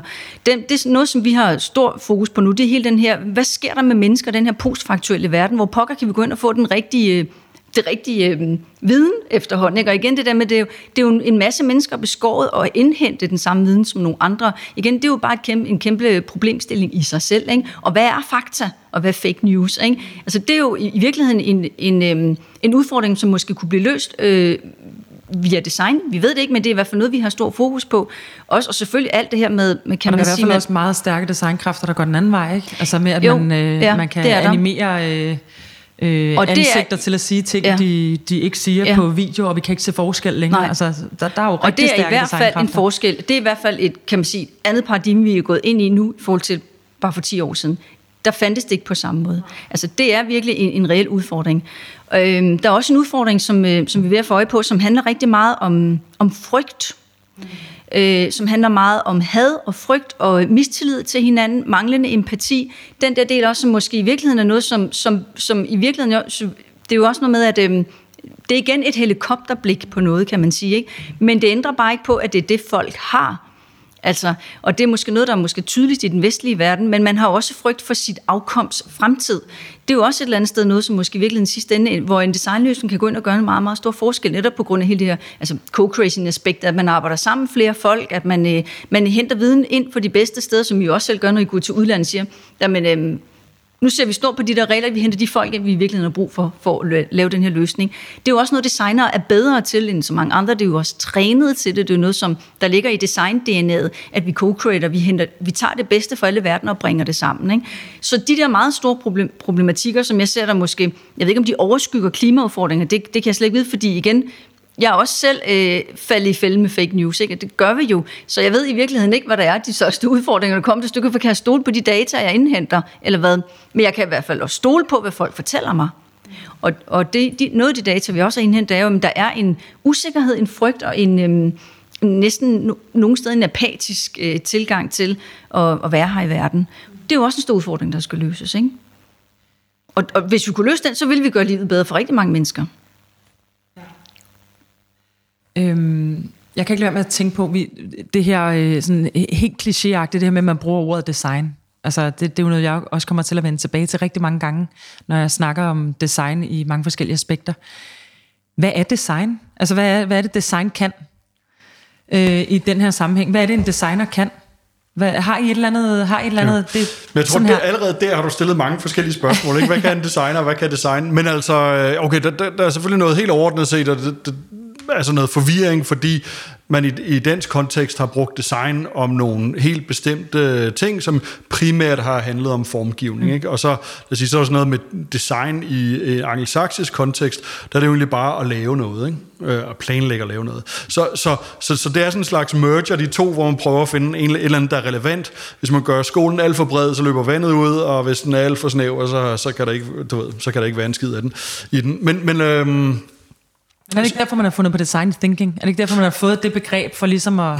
Jo, altså det, det man har fundet ud af, det er den måde, som designere tænker på, det vil sige sådan i forhold til, at man går til intuitivt til nogle indsigter, og man derefter, lad os sige, man projicerer noget i verden, Uh, man kan egentlig se lidt den der Monty Python, uh, de skøre ridder, så, så går der så den der, uh, hvor, de, hvor de går og sluder sammen, så er der en, der siger, ja, men uh, jeg tror, at jorden faktisk ikke er æbleformet, jeg tror, den er bananformet, og så går en, en liste frugter igennem der. Men, men det er jo egentlig lidt sådan, som design fungerer, ikke? at du, du kyler noget sådan lidt vanvittigt viden ud, og så, så får du tjekket bagefter iterativt, om det passer. Ikke? Uh, og det, det virker på ret mange ting. Så du kan processen? Ikke, Ja, processen, ikke? Mm. Øh, og det, det har man jo så fundet ud af, hvordan det kan... Øh, altså, men, men stille og roligt folk bevæger sig lidt væk fra design-tænkning som begreb, fordi der i bund og grund ikke er noget tænkning i det. Ikke? Altså hvis du kommer fra... Øh, altså selvfølgelig tænker man, men, men man tænker øh, ikke sådan på den måde, som man ville kalde for tænkning akademisk. Det er en proces, man følger, eller en metode, man følger. Øh, og derfor så er filosofien også begyndt at blive bragt lidt på banen, for når du så render rundt hele tiden og taler om design-tænkning, og du så ikke egentlig tænker over noget, så, så begynder man på et tidspunkt at lyde lidt hul. Ikke? Så, så, så derfor så, så begynder filosofien ligesom at snige sig lidt ind, ikke? og design er stille og roligt ved at få en rolle, som filosofien har haft i sin vorden, hvor man ligesom er den, der siger, nå, men øh, altså i dag så skal, skal du bygge, jeg vil godt have et sygehus, så siger designeren, er du sikker på, at du ikke vil have helbred i stedet for? øh, eller du ved, øh, sådan man begynder ligesom at stille spørgsmål om ting, der også er normative aspekt, som jeg, jeg øh, jeg nævnte. Så, så design på den måde får en ny rolle, men, men jeg tror, det, det væsentlige, altså man siger, der, der er selvfølgelig det her fuld, den her metode, og det her med, at man kan tale på tværs af forskellige øh, kompetencer. Du kan for eksempel bruge fænomenologiske metoder fra øh, filosofien, du kan bruge antropologiske, etnologiske, alle sådan nogle ting kan du ligesom øh, blande ind, og der er ikke så mange fag, hvor du nemt kan tale hen over grænser. Du taler selvfølgelig også med, øh, med, med øh, ingeniører, slash videnskabsfolk osv. Det er der, du kan øh, formidle og balancere alle de her ting, og selvfølgelig også erhvervsfolk. Ikke? Hvis du ikke har den, øh, den kommercielle del er det, så det ligegyldigt. Ikke? Altså, og hvis det ikke øh, fungerer, så er det også ligegyldigt. Du skal have mange aspekter ind, før du kan kalde det design. Så på den måde er det spændende, men jeg synes, det, det frem for at prøve at, at demarkere alt, hvad der er design, så er det måske interessant, mere interessant at sige, hvad der er godt design. Ikke? Fordi du får måske lidt for meget øh, du ved, øh, skidt og ravelse med, hvis du bare siger, alt der er design. Jo, for det er også et helt psykologisk plan, man kan se det der med at faktisk være en, en, øhm, Øhm, og være god til at aflæse den bruger, man faktisk laver noget til. Altså det med at få bygget en ordentlig persona op, som man ved. Altså, og det er jo det igen, hvor vi ser nogle af de ting, som er blevet øh, sendt... Øh, øh, eller bliver nomineret til Index Award, hvor, når de fejler i sin kontekst, er jo oftest fordi, at man har haft rigtig svært ved at aflæse den bruger, man egentlig har lavet det til. Mm. Går man faktisk ind og ødelægger noget for dem, i stedet for at give dem det her ekstra device til at, at bringe vand. Øh, nu vil jeg ikke hænge folk ud, men for, for øh, på et tidspunkt var der et produkt, der skulle hjælpe kvinder i Afrika til, i stedet for at de skulle gå og belaste deres krop og deres hoveder på at, at bruge rigtig mange timer på at hente vand fra brønden hjem til landsbyen, så lavede man sådan en smart anordning, der gjorde, at de kunne trække en stor dunk vand i stedet ja, ja. for. Ikke? Hvilket gjorde, at alle de unge drenge i landsbyen synes det var det fedeste. De ville hellere lege med den, så de begyndte at transportere vand. Så kvinderne blev fuldstændig outsourcet i forhold til, hvad skal vi så lave, når ikke vi skal hente vand? De havde brug for deres ture, de havde også brug for deres gåtur væk fra hjemmet, og have en eller anden, øh, et, et særligt fællesskab med de andre kvinder i den proces i at hente vand. Det var fjernet fra dem. Så der gjorde man jo et eller andet, man gik ind og fuldstændig smadrede et, eller andet, med et andet øh, mere sådan... Øh, øhm, øh, familiesystem eller et, et økosystem i selve landsbyen. Ikke? Så den vil de slet ikke bruge, så bliver den skubbet væk. Et fantastisk produkt, der på en eller anden måde bare slet ikke kan aflæse sin kontekst. Mm. Og det er jo der, hvor jeg tænker, der er også, der er også en, en psykologisk faktor, som designeren et eller andet sted skal kunne, måske i langt højere grad end nogen, der mm. tager sin uddannelse et andet sted. Ikke? Men det er jo også noget, der er rigtig meget fokus lige nu, det her med design, der kan ændre adfærd adfærdsdesign. Ja. Altså, øh, der, der er især øh, med Morten Mønster, hans øh, bog, Jytte for Marketing. Altså, der begynder at komme fokus på det helt ud i, ja i nogle helt andre lag, end, øh, end inde i kernen af, af branchen. Ikke? Der, der er mange, mange, der begynder at forstå, at design kan ændre vores adfærd og gøre, at vi gør ting på en helt anden måde. Og det er jo, det er jo selvfølgelig både positivt og kan være rigtig negativt også. Ikke? Jeg tror bare inden for det adfærdsdesign, så har du egentlig ikke bare adfærdsdesign. Du har øh, en kamp om, hvad der er adfærd, adfærdsdesign. Ikke? Så du har øh, dem, som vil sige, kommer fra det her, vi kalder designtænkning, ikke? som siger, jamen det, vi har nogle processer, der ligesom kan løse det her. Øh, og så har du nogle folk, som siger, jamen prøv, de, de metoder, I bruger, er fuldstændig forældede. Vi skal til at bruge big data. Og, mm. og så, det vil sige, i stedet for at du kommer op fra og bygger ned, så kommer du ned fra og bygger op. Øh, okay, de skal jo nok mødes på et tidspunkt, men så der, selv, selv der er der jo lad os sige, nogle udfordringer i forhold til designbegrebet. Nogle af de big data ting vil designer måske slet ikke kalde for design.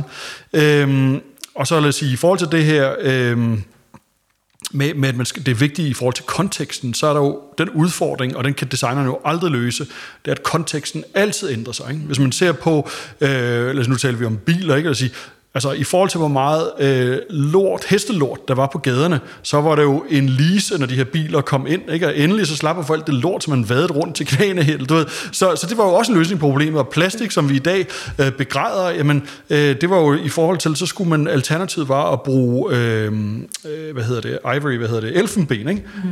Det var heller ikke så godt. Der var plastik en del bedre. Ikke? Så, så konteksten vil hele tiden flytte sig, og der må man bare følge med hurtigere. Mm. Ikke? Og det, det er sådan et øjebliksbillede af, hvad der gav mening på det tidspunkt, kan man sige. For Netop. var det ikke også smartphone, kom der også mange år før fra Nokia, end den gjorde fra Apple, ikke? Altså, ja, men det var ja, bare også, det var også noget med time to market, at der var vi ikke klar til den. Vi var ikke klar til sådan en type telefon.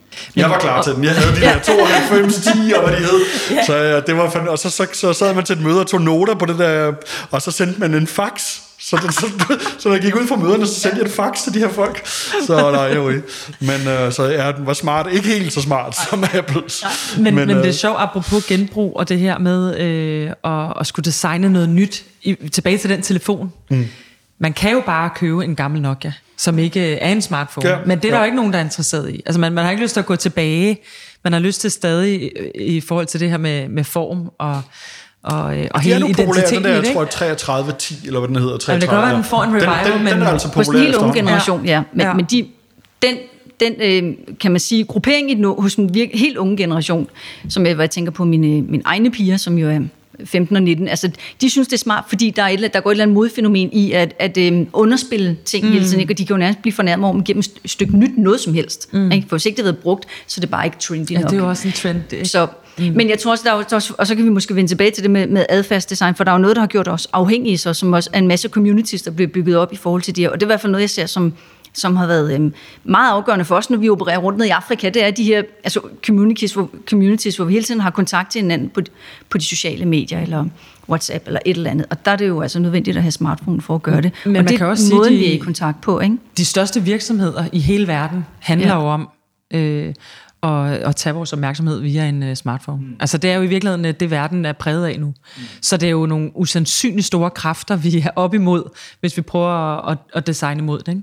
Men selv os sige det, så vil jeg sige, så, så, så det er den ene udfordring med dem, og den anden er jo privacy-ting. Ikke? Hvis du så ser, så er der jo nogen, for eksempel Apple, som jo er verdens største, ikke? de går så ind nu og laver sådan en, en ugenlig rapport over, hvor meget du har brugt den. Det er jo faktisk design ja. for det der. Og så øh, er de begyndt at positionere sig som dem, der beskytter din privacy, om de så gør det eller ikke. Men, men du ved, det, øh, så, så, så, så der kommer de der modbølger. Men i forhold til det her med, med hastigheden af konteksten, den er jo accelererende. Ikke? Man kan jo ligesom se, at tingene ændrer sig forbløffende hurtigt øh, efterhånden, også i forhold til de her teknologier. Øhm, så, og det er jo faktisk en, hvad jeg mener, lad os sige, sådan i, i praksis for, for, for øh, den udøvende designer, en af de allerstørste udfordringer lige nu. Hvordan er du? Det, det, det er simpelthen for, for, øh, for langsomt at gå igennem sådan en helt storytelling journey, som du taler om, øh, hvor man så prøver at finde ud af, hvad er historien her, og taler med nogle antropologer over det. Det er der ikke tid til længere. Så, så vi skal finde nogle metoder, øh, som stadigvæk på en eller anden måde er design, øh, men som bare er langt, langt hurtigere. Ikke? Og der, der begynder man at kigge på, jamen, hvor, i, hvor, hvor, øh, skal vi egentlig til at simulere mere? Skal vi begynde at have det her iterative øh, digitalt? Skal folk kunne komme ind real time, altså kunden, og pille i det? Øh, så så der, der, der er noget der, som bare, eller skal, skal AI, øh, kunstig intelligens, egentlig bare løse nogle ting, som man har set nogle broer nu her i Holland, som siger, hmm, der har nærmest ikke været nogen mennesker ind over, ikke? så er der nogle robotter, der regner ud af, hvad der strukturelt bedst kan, eller øh, en øh, kunstig intelligens, der regner ud af, hvad, hvad der egentlig bedst kan svare sig strukturelt, øh, og så bagefter har man bare øh, rapid prototypet det. Bang, nærmest ingen mennesker indover. Ikke? Så øh, hvor høj grad kan det snige sig ind i designet? Det vil jo nok være ret høj grad, og det er noget af det, vi står... Ja, du tænker ikke på, det, det er farligt, hvis vi bliver arbejdsløse. Det tror jeg overhovedet ikke, vi gør. Men man skal i hvert fald kunne tage de instrumenter ind, internalisere dem, for at man ikke står og, og glor på, hvad, hvad skete der egentlig der. Ja, det at digitalisere en virksomhed, er, det, var, det var kompliceret før, ja, ja. men, øh, men det må se helt håbløst ud for rigtig mange nu. Ikke? Altså, ja, det, ja. Ja, og folk vil jo gerne vide det. det. Du, ofte, med mange af de her nye ting, så øh, vil øh, designere jo enormt gerne have en kunde, som har med det at gøre, fordi designer som regel er nysgerrig. Ikke? Det er noget af den drivkraft på at skabe nye scenarier. Øh, det er jo, at du gerne vil vide, hvad kunne det være. Øh, og derfor vil de gerne have en kunde, der har den nysgerrighed og gerne den viden, fordi du ikke har den fulde viden. Som jeg sagde, så er det jo ret overfladisk viden, man har, som ligesom lægger op til, at man skal bryde noget andet viden, der er derude. Hvis du så ikke bliver mødt med den viden, så er det meget svært at bryde det. Øh, og samtidig så, så sidder øh, de her virksomheder og gerne vil have, at designerne kommer og fortæller dem om det her. Men det kan de heller ikke, fordi jamen, de har ikke nogen kunder, som har med det at gøre, så de får ikke den viden. Så, så, så der er, det er lidt svært at komme over de her sådan, øh, stepping stones i forhold til øh, accelererende og i øvrigt øh, sådan meget høj kapacitet på øh, det digitale. Ikke? Mm. Men lige præcis det er jeg fuldstændig enig i, også fordi det er jo også et fokus, vi har i øh, indeks omkring det med, hvad, hvad, hvordan forholder menneskerne sig til, til en verden, hvor øh, AI tager mere med over? Altså, for en ting er selvfølgelig, at designerne eller udviklerne, hvad vi så skal kalde dem, dem der former verden, gør det, men hvad med alle os, der bare er i verden? Altså, hvordan forholder vi os til det? Fordi de, igen, kan vi gå tilbage til det, men de sidder netop med en frygt for, vi mister vores job, når bla bla bla, de der ting tager over. Ikke? Og det er jo igen, så kan man, når, hvordan får vi så øh, designet en løsning til, at de ikke skal have den frygt? Altså, hvad er det, der kommer først? Er det høn eller ægget, ikke? fordi hvornår ser vi de der resultater ind, når alt bliver chatbots og sådan noget, du ikke kan gå ned og henvende dig til, til et levende menneske i når du skal have et nyt pas eller et eller andet mere, ikke? eller i borgerservice. Altså, hvad er det så, der sker med alle de der HK-ansatte, der sidder der? Hvad skal de så, inden vi overhovedet når så langt, når vi skaber en frygt i dem? Eller en angst, eller en, en uh, urolighed for, hvad skal der så ske med os? Så det er jo igen det, hvordan forholder uh, alle mennesker sig til en verden, hvor at, uh, lige præcis den teknologi kan tage mere og mere over. Hvad den jo vil gøre.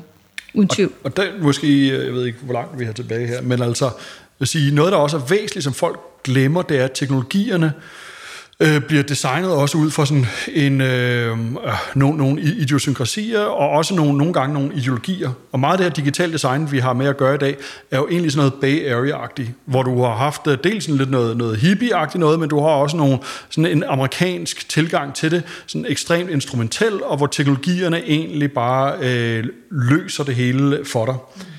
Så, så så, så du kan ikke, øh, du skal gå ind og pille ved selve nerven, så alt det her chatbot-helvede, du taler om, det kommer så lidt af noget amerikansk tradition, sådan som det har været, lad os sige, på, øh, øh, når du ringer til et firma, øh, hvis de ikke rigtig havde økonomien til det, så har de sat eller andet, nogle, nogle fanger til at svare på telefonen, det er meget almindeligt, så sidder du i et amerikansk fængsel, og så bliver du sådan en, øh, og så bliver du sådan omdirigeret, så skal du, det var det engang med telefonerne, så skulle du trykke tre for et eller andet, og så fire for det her, og fem for det her, du bliver bare sådan, nærmest en labyrint af alle mulige ting, du skal vælge imellem, og til sidst kom du så frem til en fange, som ikke var super super motiveret kundeservice-medarbejder, vel?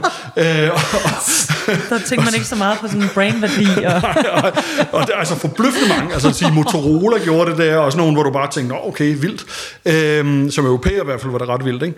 Øh, og altså, de er jo, amerikanere er også vant til at stå i køer i, lad os sige, går i Disneyland, og så sætter en treårig til at stå en time i kø, ikke? Det vil du altså ikke tænke var optimalt i Danmark. Øhm, så, så der er sådan en masse sådan kulturelt gods, bare stille og roligt sniger sig ind med hele den digitale verden, også i forhold til, at man egentlig vil skide et stykke, individet et stykke, eller måske ikke individet, men øh, samfundet et stykke. Ikke? Så når sådan noget som Uber kommer ind og lad os sige disruptor, altså disruptor betyder også at ødelægge. Mm. Det skal jo, det, disruption er irrelevant i forhold til den værdi, man ellers bringer. Ikke? Mm. Men så, så går man ind egentlig og ødelægger noget, og det er man ret ligeglad med, det ligger ikke i kulturen. Altså i USA kan du godt se folk dø på gaden. Det har folk ikke noget problem med, de ligger som de har ret. Øh, og det har vi et problem med. Ikke? Mm. Så der er jo sådan en anden øh, sådan social forståelse, øh, som, som vi som faktisk germaner, ikke specifikt danskere, ikke? vi ser ligesom hele systemer øh, og hele samfund, og ikke lige så meget individer. Altså, øh, jeg har ikke lyst til, at vi skal stoppe, fordi jeg synes, jeg har øh, en milliard spørgsmål. Der, jeg tror, den her samtale den kan fortsætte øh, i det uendelige.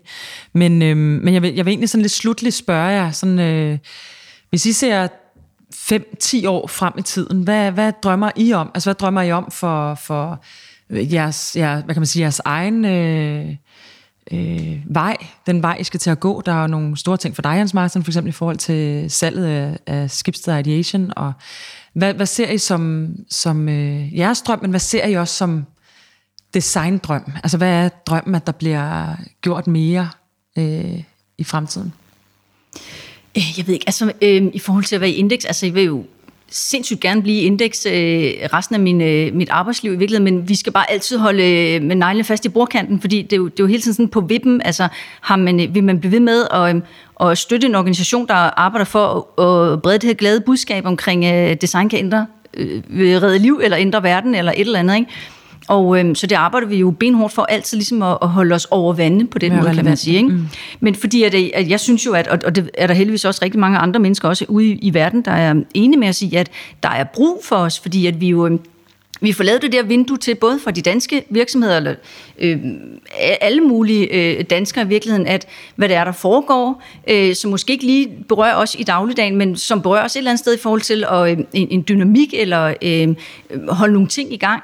Og vi giver, vi giver jo også et vindue ud i verden til, at øh, danske virksomheder på en eller anden måde kan connecte og ikke kun tænke i et lokalt marked. Samtidig inviterer vi en masse øh, for den globale verden ind til Danmark og tage, og tage for sig alle de kompetencer, som ligger her. Håber vi, at vi kan. Er der så alt muligt politisk, der gør, at det ikke kan lade sig gøre? Sådan er det desværre også. Det er jo igen en stor designudfordring.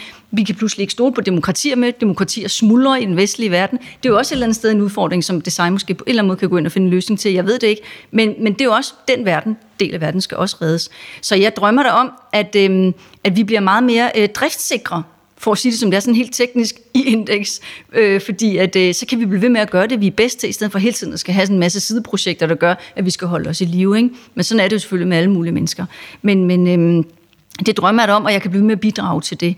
At øh, om vi skal blive med at lave design education, eller design to improve life education, det ved jeg sådan set ikke. Altså det kunne også være, at der var mange flere, der skulle komme her til landet og få vores education, i stedet for at vi rejser rundt, for vi kan bare ikke nå særlig meget gang, når vi rejser rundt. Det er bitte små nedslag. Altså. Så øhm, det drømmer jeg om, at, øhm, at vi kan blive ved med, og så hele tiden udbygge vores pipeline af de gode cases, hvor der, hvor der, øh, som der jo er eksempler på med Design to Improve Life ude i verden. Hele tiden have de cases, kan kommunikere dem, så de bliver sådan meget mere tilgængelige. Det ville jo være smukt om Index på et tidspunkt lavede den her designskole, den rigtige designskole, ja. hvor det, man kan sige, nu er jeg gået på øh, Danmarks Designskole, og der er mm. Arkitektskolen, og der er de forskellige øh, KEA og, og så videre. Mm. Øhm, retænke den Altså det er bare, den giver jeg lige videre her, ja. når jeg ser på uddannelsessystemet, når jeg ser på, ja. på de, øh, de mennesker, vi får ind øh, i vores bureau. Det ville være fantastisk, at der nogen, der tog den og ligesom lavede en ny måde at, at lave en design. Det har altid ligget og luret. Det har jo altid ligget og luret. Vi vil det lige så, lige så længe, der har fund, øh, været education mm. øh, i Index. Men øh, øh, kom glad med nogle penge, så gør ja. vi det. Det kan jeg kun opfordre til. Og en, og en uh, designskoleuddannelse uden uh, merit og titulatur og mm. så videre, sådan ja. så at det rent faktisk også er folk, der, ja. der, der er ordblinde. Og ja, de skal ikke nødvendigvis lave bachelor nej, master. præcis, det vil nej. være fantastisk. Der er i hvert fald meget kapacitet, der går tabt derude. Ja. Jens det var også en god drøm. Hvis vi kommentere på den der med, med designskolen, så øh, ved jeg både, altså faktisk Designrådet har det som en, en hovedpurpose lige nu. Det ved jeg godt, ja. Øh, Design og, og Dansk Design Center ja. har også købt ind i den, så der ja. er store kræfter nu for at prøve at lave sådan en slags meta-designuddannelse ja. øh, i Danmark på ja. tværs af eksisterende. Ja. Øh, eller over eksisterende. Men øh, lige i forhold til det, du spurgte om drømme, ikke? Altså, så, så man sige, som, som øh, drømme og måske også fantasi og noget sådan, øh, også en af de her hovedingredienser ud over nysgerrighed. Øh, altså i bund og grund, så er jo designerens præmisser ikke bare, at man er nysgerrig på, hvad der kommer til at ske, men man drømmer det frem. Ikke? Øh, så, så jeg har mange drømme. Men øh, altså, den aller, aller vigtigste for mig, som ikke rigtig har noget med det her at gøre, det er jo selvfølgelig at kunne give mine børn et godt liv. Ikke? Altså det tror jeg, det er for mange mennesker. I forhold til sådan en specifik karriere, så er der at få lov til at, lave, at have meget mere med transport at gøre. Ikke? Altså, jeg har altid drømt om at lave luftskibe, og der findes enormt mange... Øhm, er I ikke i gang med at lave droner? Burde, I ikke, burde det ikke være nu? Jamen altså, du ved, for mig, altså, at droner sådan forstået som små, mærkelige helikopter, et lidt ligegyldigt øh, fænomen i forhold til det urbane i hvert fald. Ikke? Øh, fordi du bare bruger en masse energi, og du støjer en masse. Du kan se byer med mange helikopter, altså øh, Sao Paulo, Mexico City, New York. Mm, folk regulerer sig ud af det. De gider ikke at høre på dem, og der er næsten ikke nogen, der flyver rundt, fordi der er et fysisk princip, hvis du er tungere end luften, du ikke kan komme udenom, det er, at du skal skuffe, skubbe luft nedad. Så det svarer egentlig til, hvis du havde den der i byen, at du egentlig alle gik rundt med en føntør ned i håret. Pissirriterende, ikke? Så det kommer ikke til at ske i byerne. Ikke? Så, men, men, men der er alle mulige andre teknologier, og det er jo igen sådan en anden, så har man haft en anden amerikansk vinkel ind på det. De er jo skide gode til go-to-market, de er skide gode til at influere, de har meget soft power, så tænker folk, det er det, der skal ske. Det er det ikke, mener jeg. Der er alle mulige andre teknologier, lad os sige, med luftskibe, det var meget sådan en tysk ting fra øh, egentlig sådan en, lidt en, en nazi-vision, ikke? Altså, og forskellige regimer har forskellige visioner for teknologi. Øh, i, I USSR havde de super mange fede, øh, de havde de der, øh, øh, hvad hedder de, øh, det, på, på dansk hedder de ekranoplaner, som egentlig er klassificeret som en båd, men det er egentlig et, et, øh, et fly, der, ligesom, der, der ligger på en luftpude øh, over jorden, gør man så ikke, men vand, jorden er lidt risikabel, hvis der kommer et hus. Øh, men det er sådan 5-30 meter over jorden ligger du så, øh, ja, så vandet nu her, øh, og svæver. Øh, og det, du bruger helt så meget energi, som du gør på, det, på sådan en lille øh, et, et motor, så det er ekstremt effektivt. Men du går bare stadig i luft? Jamen, du ved, hvis du, hvis du flyver i sådan en lille Piper eller Cessna, det sværeste er faktisk at lande. Ikke bare fordi det er pisse svært øh, at, at lære, men også fordi når du så er nede, hvor du tænker, så nu, nu lander den sig selv på grund af tyngdekraften, så rammer den en luftpude. Så der er mange ulykker, hvor du så bare kommer ned i den luftpude, og så ligger du bare og kører den luftpude, og så banker ind i et træ. Øh, så den luftpude er der også for almindelige fly, men de er bare ikke optimeret til det. Det er de her fly. Øh, så, så anyway, det, øh, så der findes al mulig teknologi derude, man bare glemmer, fordi der er sådan en hyped dagsorden. Øh, så det gad jeg godt at kunne beskæftige mig med. Øh, selvfølgelig også i forhold til at gøre øh, du ved, tingene grønnere. Ikke? Og så hvis vi skal have sådan en den sidste drøm, jeg måske vil nævne det i forhold til sådan noget, hvis jeg nu var en skønhedsdronning øh, og blev spurgt om, hvad jeg ønsker for verden. Ikke? Altså, øh, så noget, som jeg ikke tror, jeg ville have sagt det for 10 år siden, jeg er ret sikker på, at jeg virkelig ville have sagt det, øh, som, hvor jeg efterhånden er kommet hen, det er det med, hvis man ser for, i forhold til hele den her global opvarmningsproblematik, så bliver den, øh, så bliver den altid set ud fra et menneskeligt perspektiv. Så, så der er jo mange, hver eneste gang, du er sådan lidt...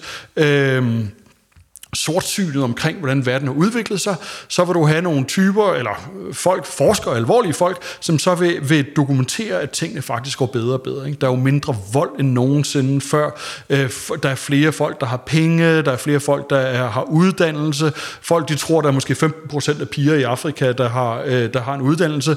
Det er altså sådan noget, øh, du ved, nogen af 90%. Altså, tingene går faktisk forrygende godt, men de går godt for mennesker.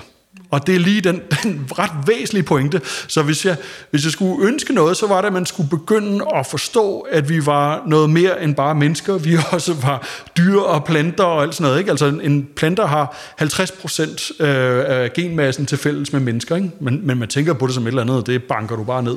Øh, så der er en eller anden sådan forståelse man skal simpelthen begynde at forstå øh, dyr og planter, og det er sådan lidt, øh, det, øh, ja. så det vil være min sådan ultimative øh, sådan, ja, skønhedsdronning drøm. Fantastisk. Og hvordan, øh, vi er nødt til at afrunde med, med, med det salg, du lige har været igennem med Skibsted Radiation. er det, der får jeg så lov til at beskæftige mig med netop de her ting. Okay. Jeg får lov til at være sådan lidt designfilosof, hvis du vil. Jeg får lov til at være sådan lidt øh, fis rundt, nu skal til Davos i næste uge og, og, og sige fancy ting. Og så får jeg lov til, øh, alle dem her, øh, og så øh, får jeg lov til at fokusere meget mere på transport, grøn transport, øh, urban mobilitet, så det er egentlig det, jeg kommer til at, at fokusere øh, mit designvirke omkring. Og byrådet? Ja, øh, byrådet er så sådan full service, øh, og ideen er egentlig, at, at nu er der jo en masse designfirmaer, der er blevet opkøbt udefra af konsulenter, og vi vil egentlig prøve at gøre det indefra i stedet for at opkøbe, øh, eller du siger, ja, så vil vi opkøbe en lang række designvirksomheder, og også andre konsulenter, og få dem ind i en designkultur, i stedet for at øh, designfirmaer bliver hævet over en konsulentkultur, hvor de egentlig bliver ødelagt. Mm. Okay. Og navnet hedder, på bordet? Det hedder Strategic Design Group lige nu.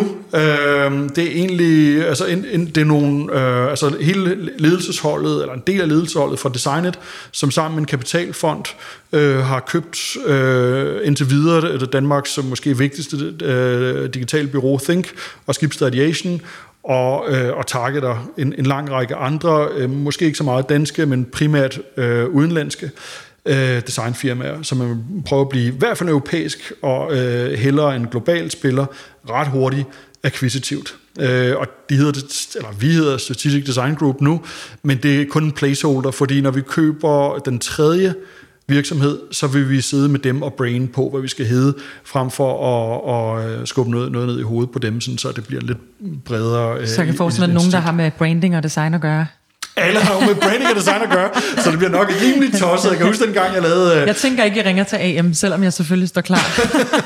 ja, der, der er rimelig store, for mange kompetencer inde os, da, da vi lavede uh, Kibisi-logoet uh, med Bjarke og Lars der. Det var, den, det var den eneste gang, hvor vi nærmest var op og to, uh, tottes, uh, hvor, hvor alt, alt andet kørte bare smooth. Det er også svært. Men det er jo også første gang, sådan et bureau her bliver dannet på den her måde ja. på dansk jord. Altså, så det er, også det er jo kæmpe stort. Ikke? Det er også internationalt. Mm. Så det, det sker normalt lidt random. Så for eksempel så er der en fyr i IDO, som flytter til Honolulu, og så sjovt nok har de en afdeling i Honolulu. Det er ret ustrategisk. Ikke? Så på den måde, det er en helt anden uh, tilgang til det. Men det er ikke sådan, at IDO altid breder sig? Hvad siger du? Det er, det ikke altid sådan, at jo altid breder sig? De har jo, jo, medarbejdere, så er der en fyr, der flytter tilbage til München, ja. og nu har de et kontor ja. i München. Og selvfølgelig... Det er ikke sådan, alle breder sig. Jeg, Nej, der er fandme jeg tror, det, det er et kontor i New York. Ja, ja okay. Den med kontor i New York, den, den har alle ligesom regnet ud, ikke? Af verdens største marked. Og, øh, men, men ellers så er det sådan lidt uh, random. Det bliver spændende. Jeg glæder mig til at følge jer begge to, og de projekter, I er på. Ja, tak og i lige måde. Øhm, tak fordi I vil komme.